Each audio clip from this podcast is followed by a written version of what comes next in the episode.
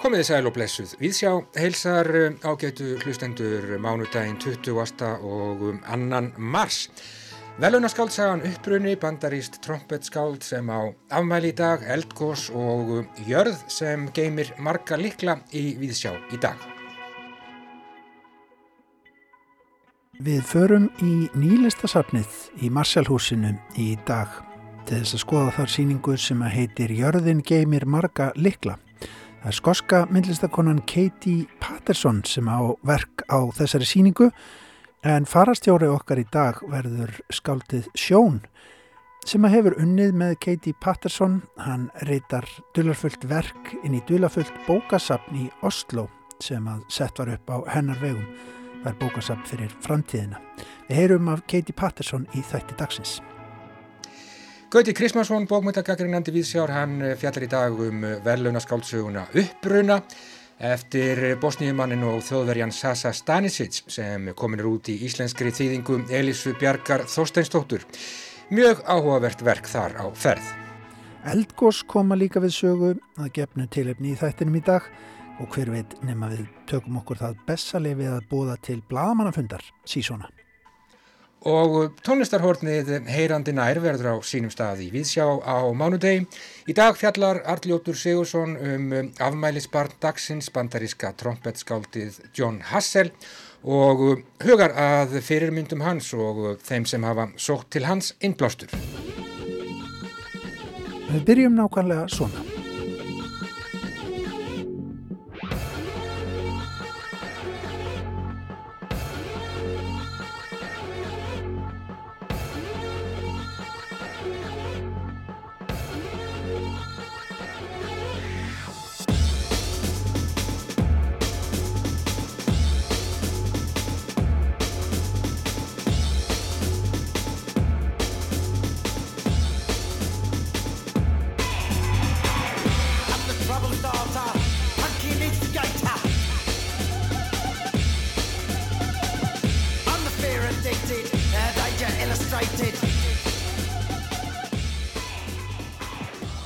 Auðvitað fór að gjósa á getu hlustendur fyrir rest fór að gjósa úti á Reykjanesi.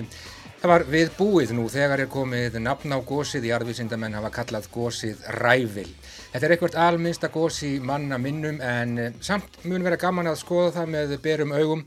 Það hafa sagt mér sjónarvottar sjálfur fór ég ekki út úr húsi um helgina en fyldist auðvitað með í sjónvarpinu. En rævill er það og rævill skal það heita gósið sem hófst í Gjaldingadal í Fagradalsfjalli á Reykjanesi á nýjunda tímanum á förstu dags kvöld. Að undarförnu hefur auðvitað byggst upp spenna ekki bara í yðrum jarðar heldur líka í sálarlífi landsmanna. Allir bladamannafundirnir, öll viðtölinn, allar sviðsmyndirnar. Það var sannlega búið að byggja upp mikla spennu.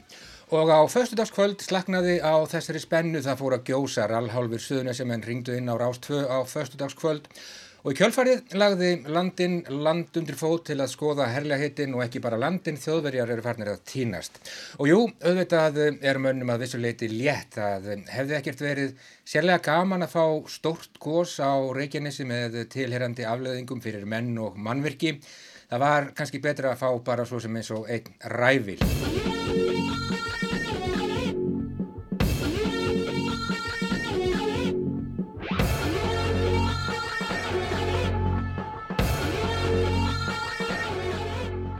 En samt, einhver staðar einst inni og þegar spennan var orðin mest, fór ekki hjá því að mann langaði í meira sjónarspil. Það var einhvern veginn eins og það hefði verið búið að lofa okkur einhverju miklu, líklega var það yðandi og óseðjandi púkinn hið innra sem þráði eitthvað meira, eitthvað stór fenglera. Að eldröða gagna magni þarna í yðrum jarðar á Reykjanesi væri umfangs meira og að því lægi meira á hjarta en raun hefur borðið vittni, það ætti einhvern veginn meira erindi. Það er líklega þessi óljósa og óskinsamlega þrá innra með manni að fá að upplifa sögulega tíma þegar búið er að byggja upp spennu og Það í dágóðum tíma þá þráur maður að losa um hana með einhverjum dramatískum hætti. Það er kannski óábyrgt og óskinsamlegt að tala svona en ég segi þetta bara reynd út. Púkarnir hið innra vilja einfallega meira fjör, miklu meira fjör, þeir eru líklega óseðjandi.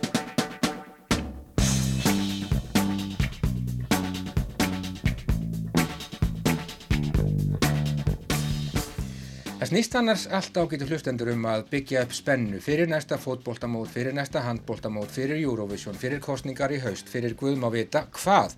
Við erum spennu fíklar, það verður alltaf að vera eitthvað yfirvofandi.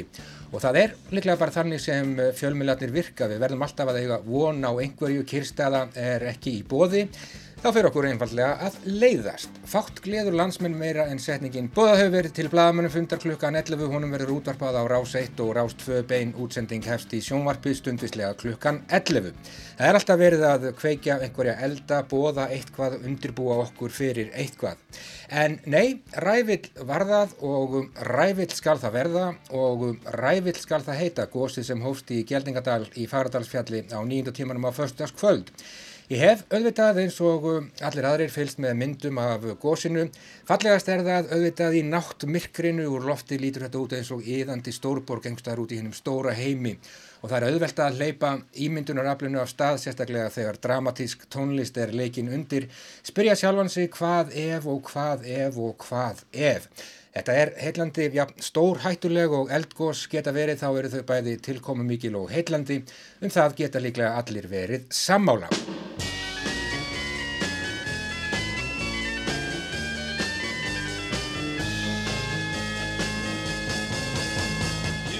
Það er annars bara mánudagur í Reykjavík ágættu hlustendur, vindurinn blæs og himinin er grár og nú þegar farið er að gjósa er svo sem ekkert yfirvofandi annað en Eurovision og mögulega hins svo kallaða fjórða bylgja heimsfaraldursins.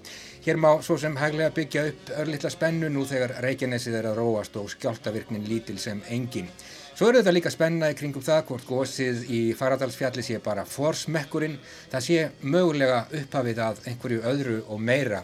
Einhverju sem getur mögulega varað lengi, mjög lengi. Þetta vitum við auðvitað ekki. Og jú, svo sviðsmynd geti hæglega verið eitthvað sem er yfirvofandi með tilhærandi spennu. Við þurfum einhverju hluta vegna alltaf þessa spennu. Já, mánudagur, sjálfur er ég eh, sallar ólegur og það er í sjálfur sér nákvæmlega ekkert að gerast. Ég hef samt bara til öryggis og til að taka stöðuna bóða til blagamannafundar stundislega klokkan 11 á morgunum. Innihald fundarins get ég ekkert sagt en það hef ég ekki hugmynd um hvaðan snýst eða hvert tilefnið er. Ég ger þetta bara svona til öryggis að öðru leiti erum við hér í viðsjá bara sultu slagir, nákvæmlega svona slagir.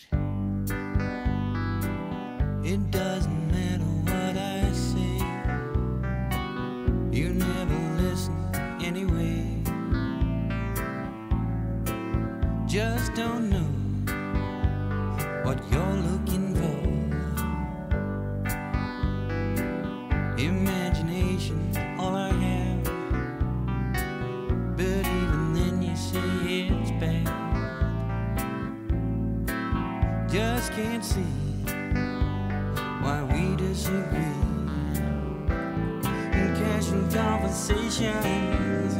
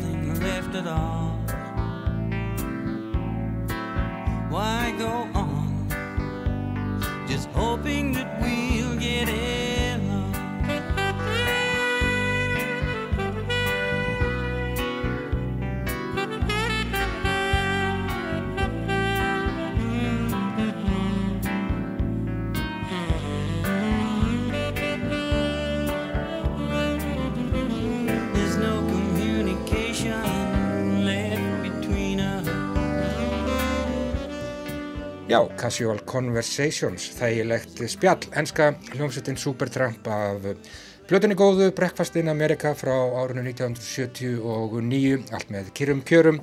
Samt alltaf eitthvað yfirvofandi, einhver spenna í lofti, svo gerist eitthvað nú eða bara alls ekki. En þá snúum við okkur að bókmyndum hér í Víðsjá á mánudegi. Við höldum til Evrópu og hugum að aðtiklisverðri skáldsögu sem að kom út í Þýskalandi fyrir tveimur árum. Nýlega kom út velunarskáltsagan Uppbrunni eftir bosníumannin og þjóðverjan Sasja Stanisic í íslenskri þýðingu Elísu Bjarkar Þorsteinsdóttur. Gauti Kristmánsson, bókmyndagagrinandi Víðsjár, hann er búinn að lesa og við skulum gefa honum orðið. Reynslan af því að vera rifin upp með rótum og þurfa að flýja heimaland sitt lítur alltaf að skilja eftir sig djúb sár. Og það er til bókmyndagrein sem snýstum það einhverju leiti. Útlaga bókmyndir eða exíllitteratúr eins og þær eru kallaðar á þýsku. Þetta eru bækur ritaðar að höfundum í útlegð. 20. öldin með sínum hryllilegu styrjöldum, þjóðamorðum og ofsóknum gegn ímsum minnilhutahópum farið okkur megnið af þeim en það verður vafalust engin skortur á þeim á þessari öld heldur, ef svo fer fram sem gerst hefur í lok þara síðustu og upphafsárum þessarar. Sagan uppbrunni eftir Sasha Stanisic er eitt af þessum uppgjörum sem öllum er holdt að lesa og ekki sakar að höfundurinn kann vel að halda á penna. Þetta er samsagt sjálfsæfisöguleg skaldsaga í anda vorra tíma, en án vafa einn þeirra djúbristari og nöðsynleiri Því hún færir okkur fyrir sjónir hvað því fylgir að vera flóttamaður úr eigin landi, að flýja til að halda lífi og fá jáfnvel óvinnsamlegar viðtökur hjá þeim sem ættu mannúðarinnar vegna að taka vel á móti fólki í þessum aðstæðum. Höfundurinn er fættur í borginni Vísegrad í Bosníu við Ána Drínu en þar voru framinn hryllileg fjöldamorð árið 1992 og þúsundir fjalli í valinn. Móður höfundarins var bosnísk og fadurinn serbi og það segi frá því sögunni að einhver lauruglumadur í bænum spurði hana eitt daginn hvort hún vissi ekki að það veri orðið nokkuð áliðið. Hún fór með 14 ára sonsinn beinustuleið heim, setti niður í töskur og flúði til Þýskalands. Þessi sagar samt ekki um stríðið, heldur um fjölskylduna sem sundraðist. Reyndar komst fadurinn á samt tengdafóraldrum sínum, einnig til Þýskalands en þeim var vísað á landi öllum á samt móðurinni 1998 eftir ára langa baráttu við útlendingastofnuna þær í landi. Þetta er miklu eitthvað þroskasaga drengsins og það er alls ekki allt vond sem hann mætir í Þýskalandi. Meira sé einhverjir ennbætsmenn stopnana gerðanum kleift að vera áfram, stunda það nám og síðar vinna sem rittöfundur. En það var langt frá því að vera sjálfgefið að hann gæti gert það. Þrátt fyrir hann hafi aðlagast svo mjög að hann lærði ekki aðeins þýskun upp á tíu, heldur var líka þektur og virtur rittöfundu þar í landi. Hann segi líka frá því einum stað hvernig hann náði að fljóta í sínu nýja landi, tilvitun hefst. Þetta er þannig niðurstaða að í henni stendur eftirfærendi setning. Uppreist mín var aðlugunin, ekki að vendingum um það hvernig manni bæri að vera sem innflytjandi í Þýskalandi, en ekki meðvitað gegn þeim heldur. Mótrói minn beindis gegn tilbeðslu uppbrunans og gegn tálmyndinni af þjóðlegri samsemd. Tilvitun líkur. Sagan er mjög úthugsuð í forminu og virkar samt gífulega vel. Personunnar standa menni í ljóslifandi fyrir augum, önnur aðalpersonan í sögunni er raunar föður að maður drengsins. Kona sem opnar kannski augu hans fyrir uppbruna sínum þegar hann kemur í heimsókn aftur árið 2009 og sagan lýsi síðan hvernig hún fer að þjást af elliglöpum og endur speklar það á vissanhátt hvernig sögumadurinn, höfundurinn, er að reyna að vinna ár og muna eftir æsku sinni, bæði í gamla landinu og því nýja. Sagan fyrir ofta á milli tíma, ekki bara í einstakum köplum, höfðu líka hreinlega á milli málskreina og lesandin verður að vera vakandi, en þetta er mjög vel gert og maður heldur alltaf þræðinum, ekki síst í gegnum personurnar sem standa fyrir hvert tíma að vissu leiti. Eitt dæmum hvernig minningin er óljós í huga sögumannsins byrtist kannski vel í eftirfærandi orðum. Tilvitun hefst. Staðinir voru ekki heldur oflaðnir af áttagatilfinningu. Vísegrad var frásögn mömmu af sjúkrahúsin í rigningunni, var hlaup á götunum í löggu og bóvaleg, var, á milli fingrana, mýkt grenináluna, var stíðagangurinn hjá ömmu með ótal lyktum, var sleðaferðir, var skólinn, var stríð, var liðið tilutun líkur. Bygging sögunar er þannig dálítið eins og óreiða minningana er hjá okkur öllum. Ekki neitt söguþráðu beinlinis, þótt sjá með í tímaröði atbyrðum og reynar ártölum, sem höfundu nefnir og einnig leikur hann æði postmótiníska leiki við lesendur, engum í lokin, þar sem hann býður upp á mismunandi endi sögunar með því að vísa fram og tilbaka í aðra kabla í bókinni.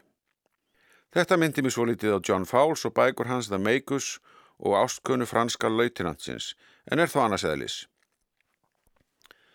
Undir fjölskyldusögunni er samt dinur sögunar, stríðsins og blóðsúthellingana. Við erum fljóta að gleima. En vel kemur fram hvernig hatrið ólgar enn undir þegar fjölskyldan er að heimsækja ömmuna árið 2018 og er á bíl á kroatískum númurum. Láreglumadur stöða þau fyrir hraðakstur án tilefnis en þegar hann kemst að því að þau eru frá Vísegrad þá breytist allt. Og það er þessi furðulega breyting af fólki sem þjóðuninshyggja á hatur sem við sjáum í sögunni. Án þess að hún sé dramatíseruð á neitt nátt. Ég bjóð sjálfur í Þískalandu þessum árum í mjög alþjóðlu umhverfi en það var tvent sem sló mig mjög. Í kveikju ára sér nínasista á flótafólk og innflytjendur í borgunum Möln og Sólingen og höfundur nefni þetta líki sögunni en ég minnist þess einnig að eftir að stríða Balkanskáðanum hófst þá breytist sumt fólk sem var í kringum mig gjörsamlega. Fólk sem ég fannst opið og frjálslind fannst það allt í hennu þurfa að verja einhvern óskapnað á forsendum þjóðinni síns. Mér fannst þetta að vera nær geðsjúkdómi en einhverju lífskoðun. Ég bar ekki saman þýðingu Eilisu Bjarkar Þorsteinsdóttur við frumtekstan. Hún er líka með reyndustu bókmynda þýðandum landsins og ég nöyt ekki um neitt sem máli skipti. Hún kemur þessum áhrifamikla teksta afar vel til skila sem ekki hefur einfalt því hann er bæði bókmyndalegur og einlagur. Að mörgu hefur verið að gæta við þýðinguna. En nú er hún komin út þessi verðluna bók og reyndar kom eina fyrirbókum höfundar, Hermaður gerir við gramofón, út fyrir um 14 árum í þýðingu Bjarnar Jónssonar. Einnig mjög læsileg. Og það er vel að þessi nýja bók komi svona fljótt hingað á íslensku. Því bókmyndarætt gildi hennar færst líka í því að minna okkur á þess að predika eitt ögnablík á hversu mikilvæg mannúðun er fyrir okkur öll sem búa viljum í siðuðu samfélagi. Að skæni mennskunar er ótrúlega þund og brotgjant og við verðum að gæta þess að trakka það ekki niður. Því undir getur leynst hildýpi sem drekkir mannúðinni á auða bræði. Saði Gauti Krismansson um velunasöguna Uppruna eftir bosníumannin og þjóðverjan Sasja Stanits sem að komin er út í íslenskri þýðingu Elísu Bjarkar Þorsteinsdóttur. En þá ágættur hlustendur likur leiðin vestur um haf þar fættist nákvæmlega á þessum degi 22. mars árið 1937. Í Memphis, Tennessee, bandaríski trompetleikarin John Hassel. Það komið að tónlistarhorninu heyrandi nær við skulum bregð okkur í ferðalag í tali og tónum með artljóti Sigurssoni.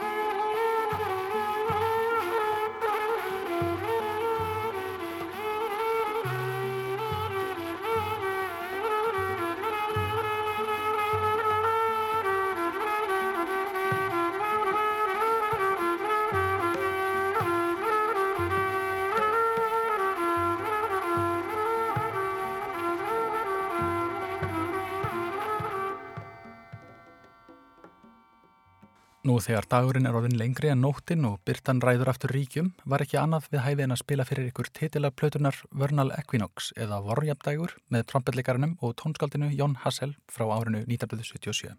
Hann hefur eflust farið fram hjá mörgum en það er hann hóver á við lilla þúfu. En þannig er með lillar þúfur að þær velta þungur lassi en það gætir áhrifa hans á líkustu stöðum. Svo skemmtilega vill til að hann er einmitt afmælisbar dagsins og fagnar 84 ára afmæli sínu í dag 22. mars fætur í Memphis, Tennessee og fór snemma í tónlistarnámið Eastman skóla í Rochester í New York.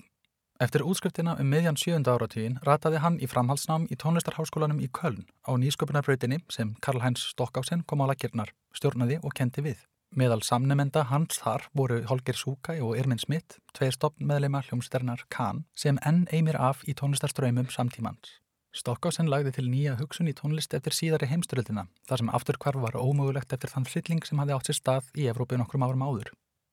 Áhrifin sem nefnendur hans örðu fyrir voru mikil og bergmálaði svo áfram og seikluðu víða og hafaða lokum sett mark sitt svo langt sem eira okkar heyrir og þegar við lítum okkur nær til dægurtónlistar. Stokkásen genið hefur gengið í erðir og afkomendum fjölgar með hverju kynsluð, þó svo þær beri mismikinn ættarsvip eða viti yfir höfuð að tónlistarlegur langa við þeirra sé Karl-Heinz gamli. Í næsta tóndami Jón Hassel fannst með viðegandi að velja Earthquake Island af samnefndri plötu frá 1978.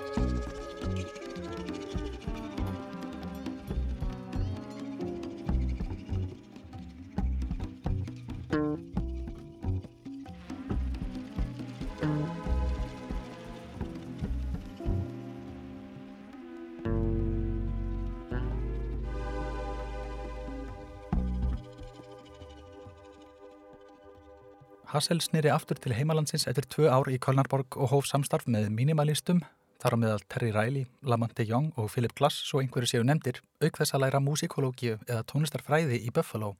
Það var svo markvis stefnubreiting í tónlist hans þegar hann kynntist tónlist indverska raka meistara söngverans Pandit Prannath og af mikilli einurð tilengaði hann sér söngstíl hans á trombit sinn Hinn djúbu indversku tónlistarfræði veittu einnig samferðamönnum hans í minimalisma mikinn innblástur og þar má kannski helst nefna Philip Glass í því samhengi sem vitjaði indverskra tónlistarmenningar á margan hátt í sínum tónsmíðum.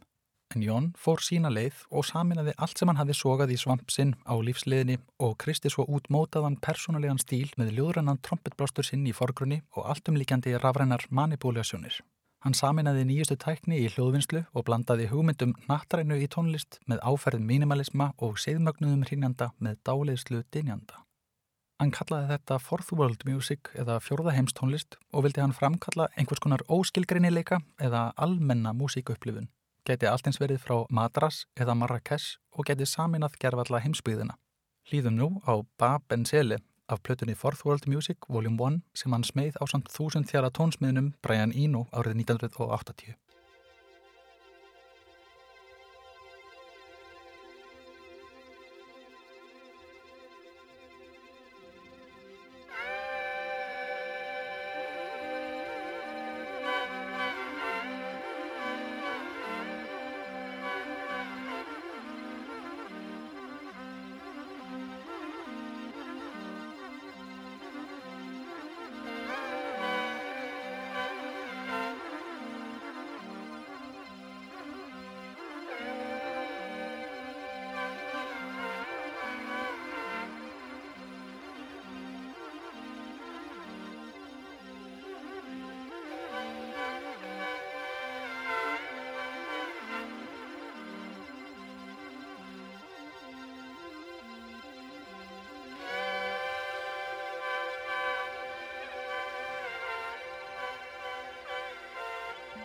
Bye.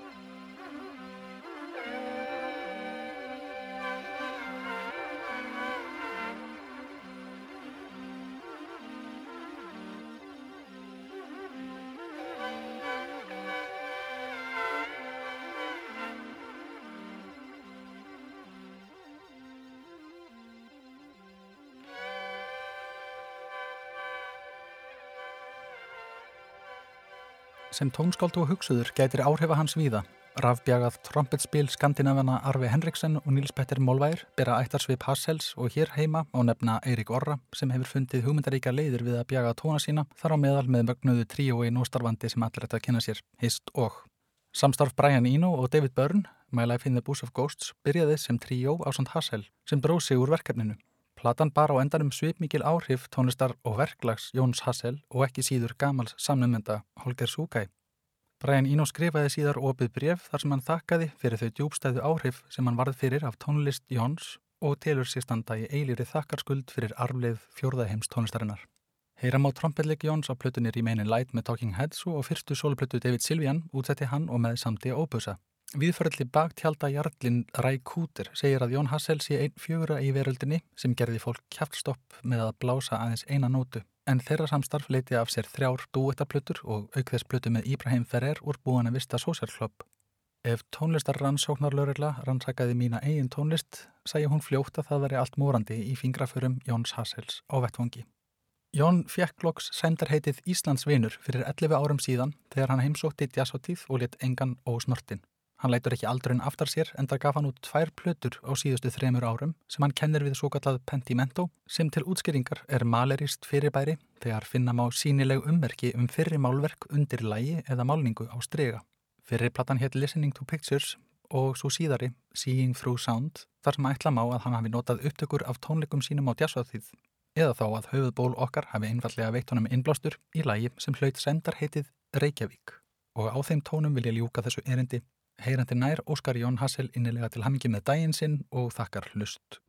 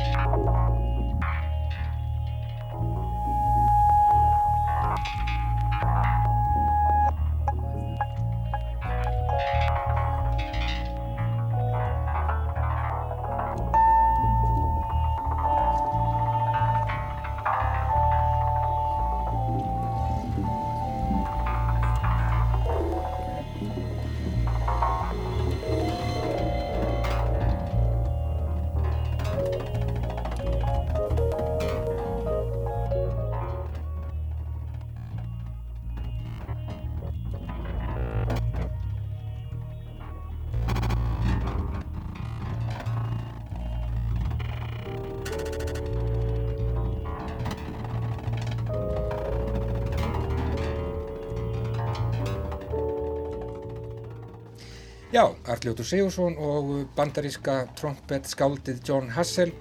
Hann á afmæli í dag, fætist hann 20. og annan mars í Memphis, Tennessee árið 1937. Þetta var tónlistarhornið heyrandi nær og við heyrum aftur í Arljóti hér í Víðsjá að viku liðinni.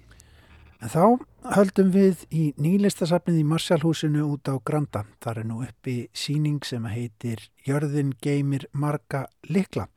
Verkin á síningunni á skóska listakonan Katie Patterson.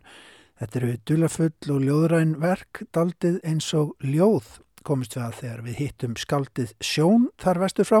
Hann hefur unnið með Katie Patterson að verki sem að heitir Bókasapn framtíðarinnar og er að finna í Oslo. Sjón hitt okkur til þess að segja frá nokkrum verkana á þessari forvittnilegu síningu. Byrjum á því Sigurðan ef að ég spyrði þig Katie Patterson frá Skotlandi. Hver er þessi ágæta kona? Katie er skóskur listamæður, fætt 1981 og uh, hefur vakið miklu aðtegli á síðustu árum fyrir verk eins og þau sem við getum séð í nýlistasafninu í dag. Það eru verk þar sem að hún tekst á við hinnar gríðarlegu stærðir sem að maðurinn er umlugin í, í, í, í alheiminum og býr þær í búning sem á einhvern hátt verður manninum skiljanlegur og á hans forsöndum. Og stæstaverkið hennar, það er nú verkið sem að ég tek þátt í, það er framtíðarbókasafnið í Oslo. Það hefur auðvitað svona gert hana að, að, að mjög stóru nafni í listaheiminum því að þar er hún að virkja borgarbókasafn eh, Oslovar og hundrað ritthufunda fætta og ófætta til þess að búa til nýtt bókasafn? Og það er svona daldi gott dæmi um það hvernig hún vinnur. Þetta, þetta eru verk sem að vinna með tíman þetta eru verk sem að vinna með forgengileikan Kanski ræðum aðeins betur um þetta verkefni á eftir ykkar sem að þú, þú tóst þátt í en við stöndum inn á þessu framann nokkra klukkur vekk sem að hérna, tala daldi um afstæði tímans, ekki sett? Jú Þetta eru uh, klukkur eins og við kannski sjáum oft um, á hótelum eða uh, myndum af flugstöðum hérna einu sinni og hver sínir uh, tíman á ólíkum stað, þú veist, það er einn klukka með Tokjó og önnur með París og önnur með Róm og einn með London og, og svo yfirleitt einn með litla staðnum þar sem við höfum stödd.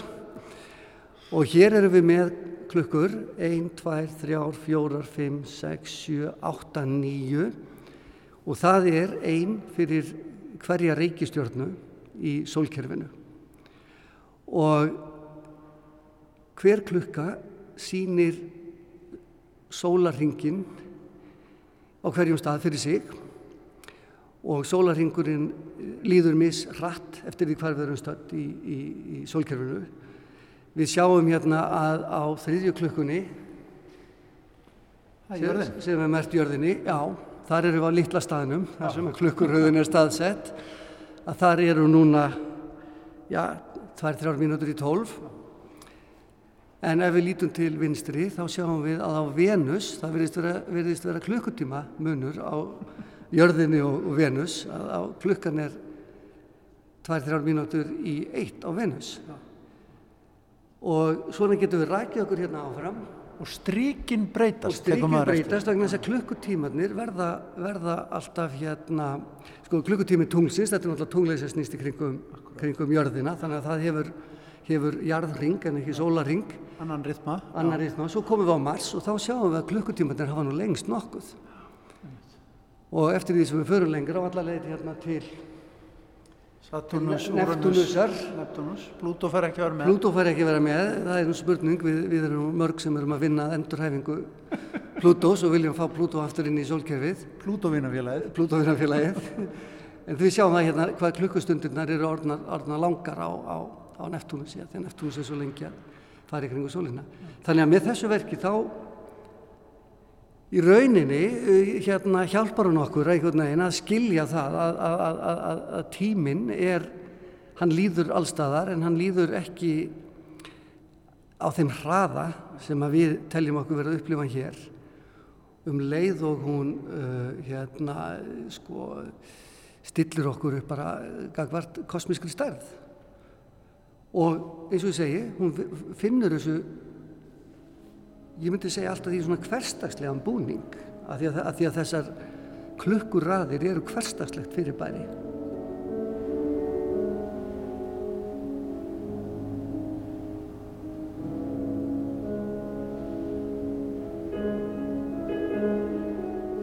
Það hljómar hérna í þessu rými eh, tónlist sem er mjög kunnuleg. Eh, Ludvig van Beethoven, hægikablin í tónskinsónutunni, eitthvað, einhver eilíf tónlist sem að hérna, mun örgulega alltaf vera með okkur það sem að eftir verður held ég. Tengist tveimu myndum sem eru hérna upp á vegg. Hvað horfum við á hér? Hér horfum við á tvær myndir af, af morskóða og það sem að uh, Katie gerði var það að hún uh, eh, let umskrifa uh, tungskinsónutuna yfir í morskóða og skilaði í rauninni tungskinsónutunni til tunglsins eða gaf tunglinu færi á að, að, að, að hlýða á tungskinsónutuna á þetta verk um sig sjálft. Þessum morskóða var síðan morsað, hann var sendur til tunglsins og af því að tunglið er eh, fastur fluttur, hér svífandi yfir okkur, eða kúla náttúrulega, en það, það, það, þá lendir þarna morskóðin á, á, á, á tunglinu og tunglið endurvarpar morskóðunum, bergmálaran í rauninni.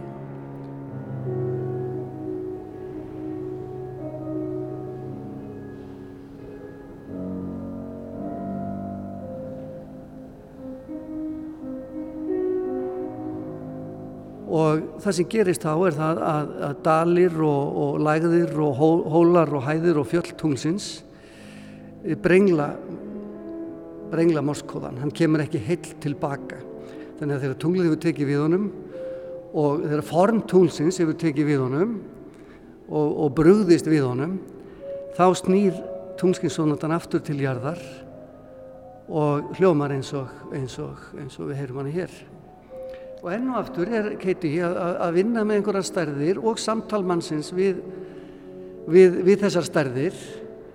Að skulum segja svona af um, svona í veikleika sínum það Beethoven með þessu fallega verki sem að mun alltaf lifa með okkur eins og þú segir. Hann er auðvitað að svara hann er að svara hér e, e, gríðarlega miklu heillandi náttúru fyrir bæri með píanóinu og svo hilling er þarna sendt send út og, og, og snýr aftur og, og minnur okkur á að allt kemur til okkar í brotum. Ég er alveg vissum að vera ánað með þetta. Já, þetta hljómar mjög fallega, þetta er mjög falleg tólkun. Þannig að, þannig að þessi verk, tvö sem við erum búin að tala um núna, þau eru mjög dæmigerð fyrir það sem að Katie er að gera og hún, uh, hún vinnur, vinnur uh, svolítið eins og ljóðskáld, finnst mér. Og það kom daldur vel í, í, í ljós í bók sem hún gaf út fyrir tveimur árum. Bók með hugmyndum hugmyndum sem hún hefur sapnað yfir langan tíma. Stundum lætur hún hugmyndina næja og, uh, og þá stendur hugmyndin bara eins og ljóð. Eða að hún finnur einhver tíman leið til þess að raungera hugmyndina, kviknar, kviknar í kollinum á henni útfærsla. En hér er til dæmis eitt, ég lesi þetta á ennsku fyrst, A temple built with rocks from the dark side of the moon. Hóð reist af grjóti frá myrkulíð mánans. Og þetta er verk sem að hugsanlega er mögulegt að framkvæma einhver daginn.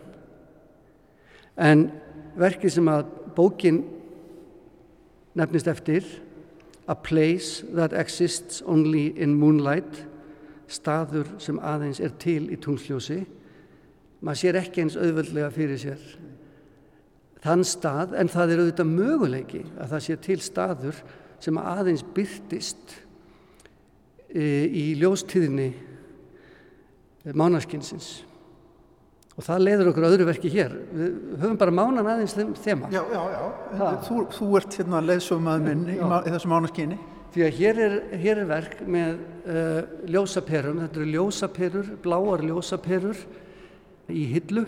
Í rekka. Í rekka.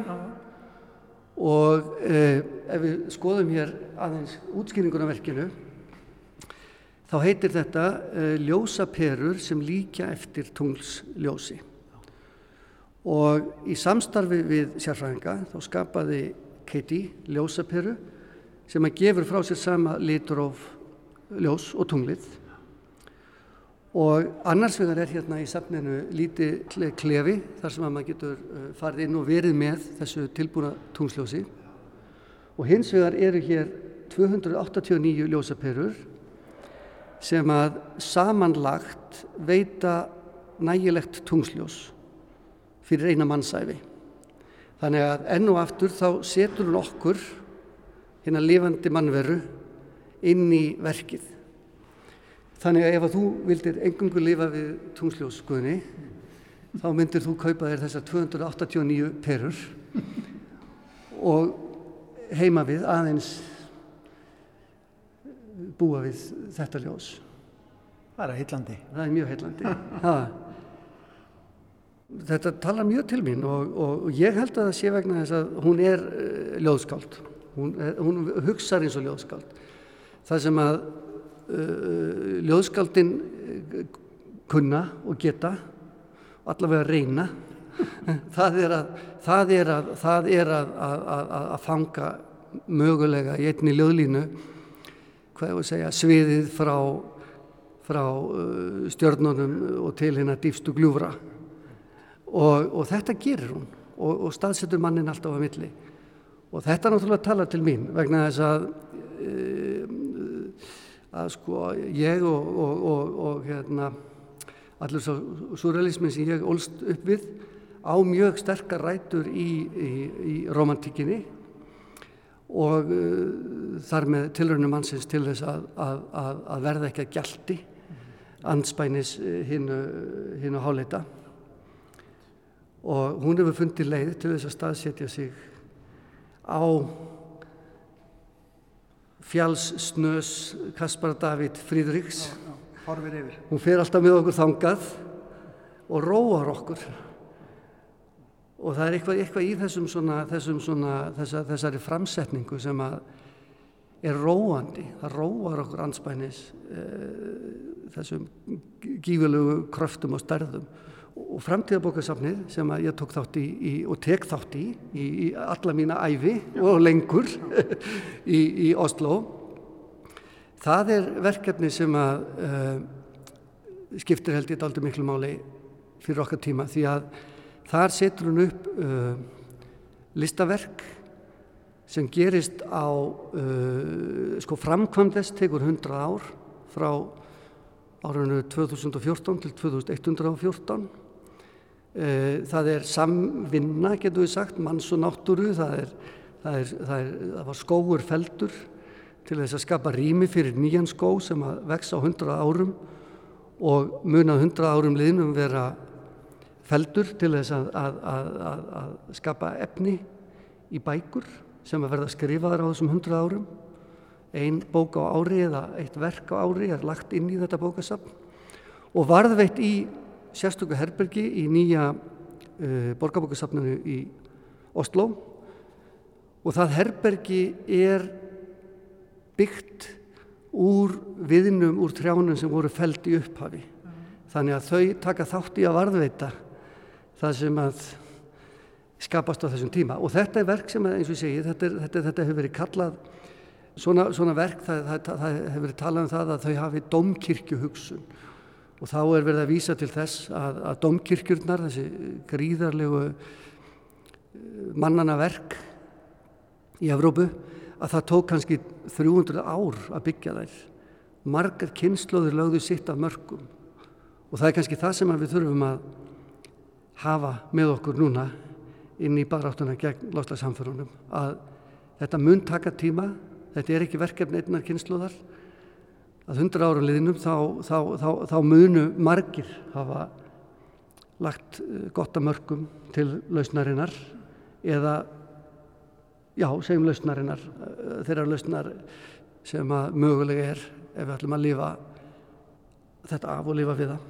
Þurfum lausn. Við þurfum lausn. Og, og svona verk eins og, og við sjáum hérna hjá henni Keiti, þau hjálpa okkur að hugsa. Og líka það að sögum af þessum verkum sem að ég var að vitna til hérna í, í, í, í bókinni sko þau, þau eru ómöguleg eins og stendur. En í rauninni er ekkert ómögulegt heldur. Og, og eins og ég segi hérna það, það, bara þessi hugmynd að byggja hóf úr, úr, úr, úr grjóti frá myrkulið mánans þú veist, ég meina þetta sko, þetta, þetta hljómar algjörlega gaga Útilokum ekki neitt. Útilokum ekki neitt sko hmm. Þannig að, þannig Nú verð ég að spyrja sko af því ég held að, ég held mig grunar að hlustendur sem að, hérna, að séu einhverju að hugsa hvað skrifaði, hvað setti, hvað setti Sigurjón í, í, í bókasafnið? Er það? Já, það er lindamál. Það má, já, mátt ekki segja. Já, já, bókasafnið er lokað, er lokað uh, almenningi þar til að uh, bækurnar verða teknar úr, úr hérna, skúfum sínum árið 2114 og við vitum ekkit fyrr. Það veit enginn, Keiti veit ekki hvað ég skrifaði. Það veit enginn hvað Margaret Atwood skrifaði. Það veit enginn hvað David Mitchell skrifaði eða Han Kang eða Elif Shafak. Það veit enginn. Karl Óvi Knáskort skilaði verki um daginn. Það er mögulegt að þú geti séð sko hvort þetta sé langt verk eða stutt eina krafa var svo að þú líkir við verk á þremur mánuðum sem væri að minnst að kosti eitt orð.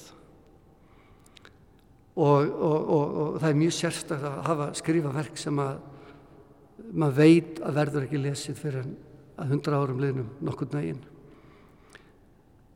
og svona það, það er líka þessi leikur það er alltaf leikur í öllu sem hún gerir. Er alltaf, hún er alltaf að bjóða upp í leik og það er það sem öll þessi verk hafa hérna líka. Það er leikur í þeim. Er, samtalið er ekki bara einhvern uh, samtala á vitsmunaforsendum, það er leikur það er gleði í þessu. Öllum þessu verkum hérna er líka gleðin yfir því að við getum fengið hugmynd til þess að svara hugmynd af einhverju sem, sem hjálpar okkur að, að, að svara tilvist okkar sko.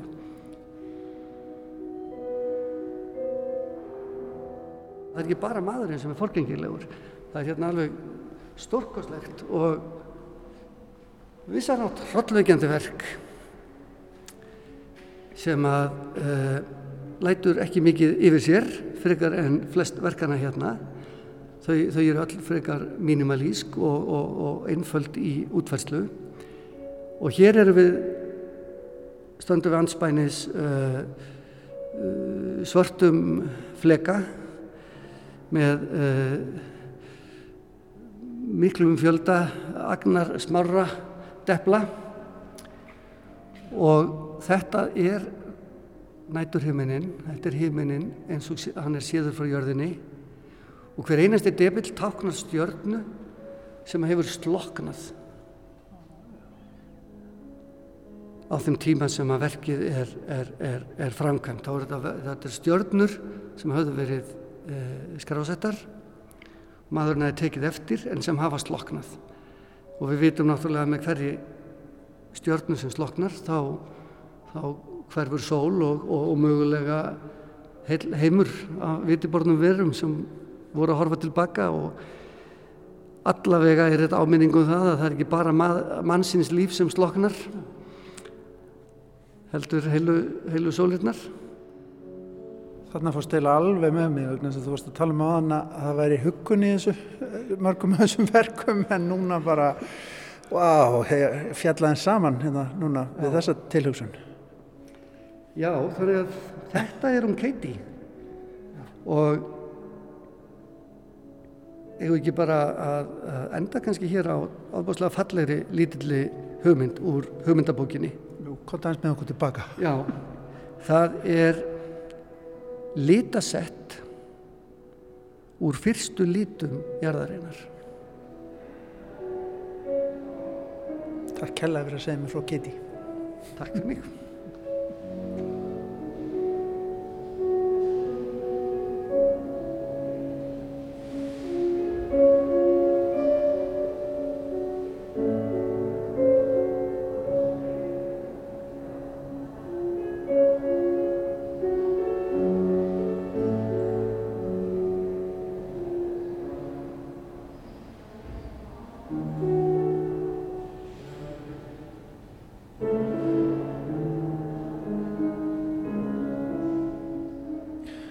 Þannig eru nokkrir tónar úr tónskins sónundu Beethovens endur unnir af tunglinu sjálfu.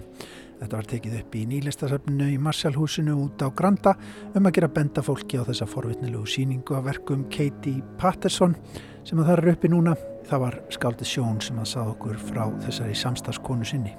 Já, myndlistakonan er ljóðskald í hans söga. Og svona ætlum við að ljúka viðsjá í dag, viðsjá hér aftur á sínum stað. Laust eftir klukkan fjögur á morgun. Takk fyrir samfélgina í dag. Kærlega verið sæl.